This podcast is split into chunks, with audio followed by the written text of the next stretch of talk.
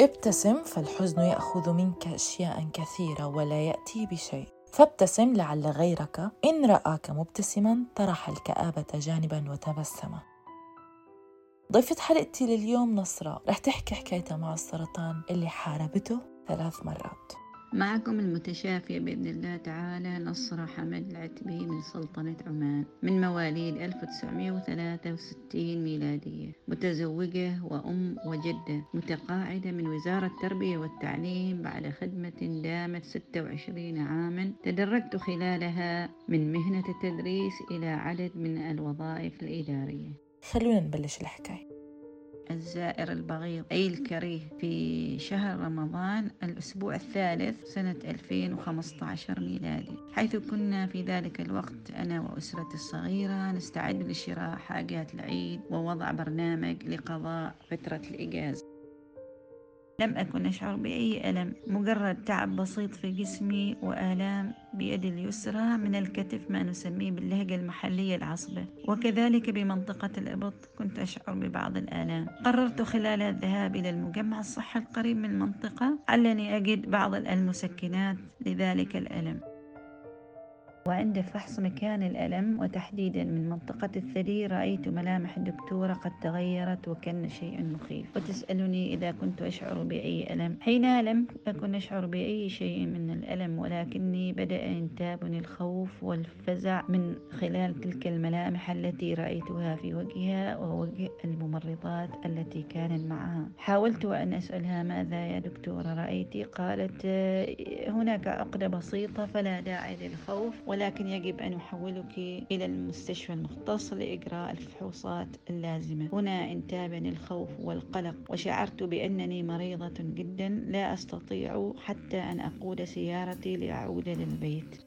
بسبب الخوف ما استطاعت إنها ترجع للبيت فاتصلت بصديق عمرها.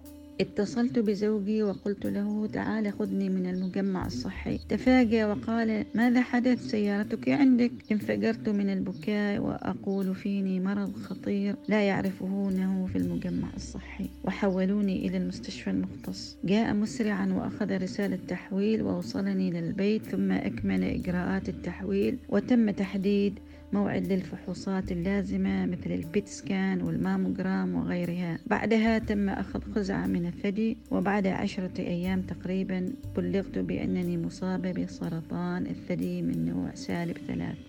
وبعد تبليغي بأنني مصابة بنوع من السرطانات ويسمى سالب ثلاثة وهذا النوع شرس جدا ويجب إجراء عملية استئصال للثدي. فقد تقرر استئصال جزئي وتم بحمد الله وعوني العملية بكل سهالة ويسر. كانت ردة فعلها.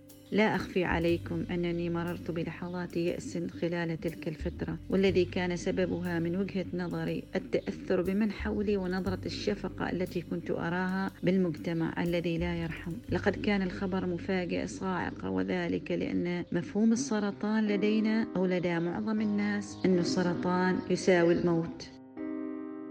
قدرت أن أتماسك نفسي وأتقبل الموضوع حيث كنت دائما ألجأ إلى الله سبحانه وتعالى الذي بيده كل شيء فهو الذي يخلق الداء والدواء. والدنيا دار ابتلاء وكل ابتلاء يهيئنا لابتلاء آخر. قد يكون في الخير أو الشر ليمتحننا الله في الشكر والصبر. وقررت أن أتقبل الواقع والرضا به. وبلش العلاج. أول جرعة كيماوي كانت بالنسبة لي حالة رعب شديد حيث كنت ذاهبة إلى المستشفى وكأني ذاهبة إلى الموت المحتوم لأني كنت رافضة لأخذ الجرعات وبإقناع شديد من زوجي وبناتي ذهبت. كنت لا أعرف أي شيء عن الكيماوي ما هو شكله ما هو لونه ما هي آثاره وحاولت أن أدخل جوجل وأقرأ بعض الأشياء وبالرغم من ذلك لم أستوعب أي شيء وذلك من شدة الخوف والقلق. عن مرافقي المحاربة بالمستشفى كان بناتي الله يذكرهم بالخير معي في كل لحظة حتى أذكر أنه حضر لي لابتوب لكي أتابع في مسرحية كوميدية أثناء أخذ الجرعة حتى أنشغل وأنسى الأفكار السلبية عن الكيماوي. وعن الأعراض؟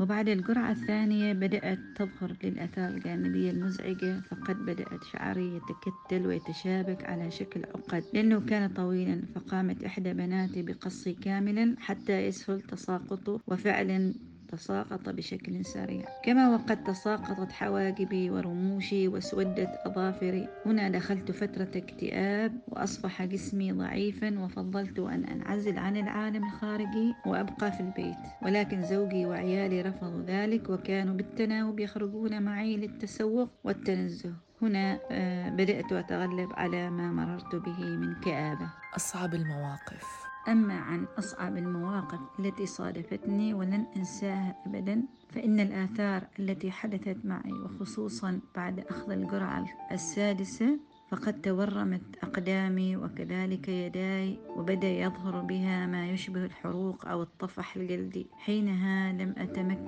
المشي وأصبحت طريحة الفراش لما يقارب من ثلاث أسابيع. وعلى أثر ذلك أمر طبيب المعالج بتوقيف الجرعات التي كانت مقررة وهي ثمان جرعات.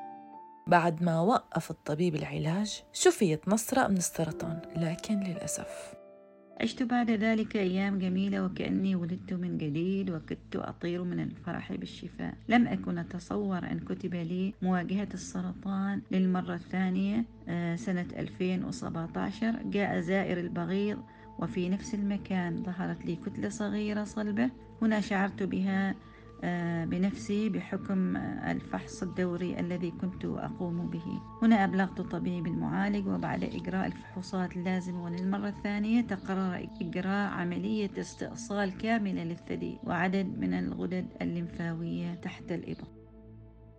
بعدها وللأسف الشديد ومن الذكريات المؤلمة التي كانت تلازمني سابقا عن الكيماوي لم أتقبله رغم محاولة الدكتور المعالج وزوجي وعائلتي.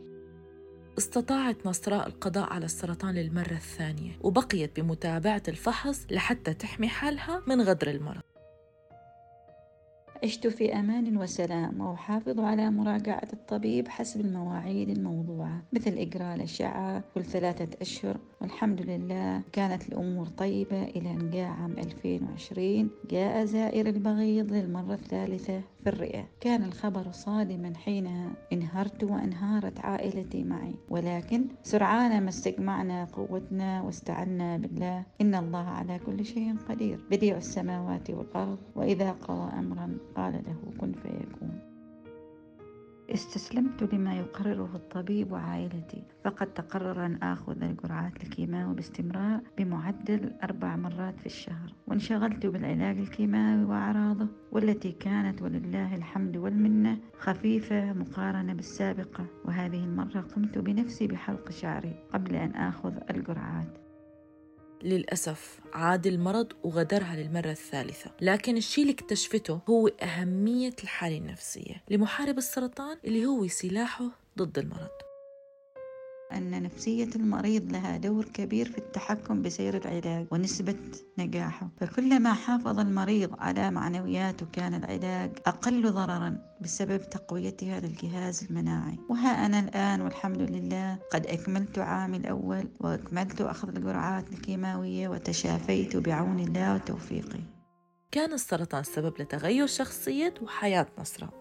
إن إصابتي بالسرطان كان دافعا لتغيير مفهومي للحياة. فالأشياء اللي كانت تزعجني في السابق أصبحت تافهة. أصبحت أقدر الحياة وأقدر كل لحظة فيها. دخلت في مجموعات تطوعية أساعد من يقدر الله على مساعدته وكذلك زيارة بعض مصابات السرطان لتقديم الدعم المعنوي لهم. وأحيانا فترة وخصوصا في فترة كورونا أتلقى مكالمات هاتفية من بعض الأخوات لإقناع أحد أفراد عائلاتهم أصيب بالسرطان لأخذ العلاجات وخصوصا أخذ الكيماوي وغيره. هدفها؟ هدفي هو توصيل معلومة إلى كل المستمعين الكرام بتغيير نظرتهم للسرطان وإلى مريض السرطان بالذات حيث أنه مرض كأي مرض مزمن. بل العكس قد يكون أقل خطورة من السكري وضغط الدم وأمراض القلب وغيرها. من لم يمت بالسيف مات بغيره تعددت الأسباب والموت واحد. بفضل الله تعالى أعتبر نفسي قاهرة قاهرة للسرطان. وحتى وإن راودتني بعض الأفكار السلبية كالخوف من عودته مرة أخرى والتي لا بد منها فهذا أمر شائع لدى كل الناجين منه. وعن الناس المهمين بحياتنا. كان وقوف زوجي وأولادي إلى جانبي عاملا مساعدا جدا جدا جدا لشفائي وكذلك صديقاتي المقربات التي لا أنسى دورهن الكبير في مساندتي على تخطي هذا الامتحان الصعب نصراء شو بتقول؟ نصيحتي من خلال تجربتي مع مرض السرطان أقول لكل شخص مصاب عش حياتك واستغل الفرصة التي أنت بها وافرح وتسوق لأن القلق والتوتر يحول بينك وبين العيش بسلام. وأخيرا أشكر الله تعالى الذي منحني القوة على خوض هذه التجربة وكتب لي الحياة من جديد الحمد لله. كانت نفسية نصراء في البداية سبب لتراجع وضعها الصحي وغدر السرطان لإلها. لكن بعد ما اكتشفت السر وهو سلامة النفسية وقوة الإرادة استطاعت للمرة الثالثة محاربة السرطان وهزيمته. هاي كانت حكاية نصرة وهاي كانت حلقتي لليوم من بودكاست حكايتي مع السرطان. كنت معكم أنا غيداء مراد آغا استنونا بأمل جديد وحكاية أمل جديدة. سلام.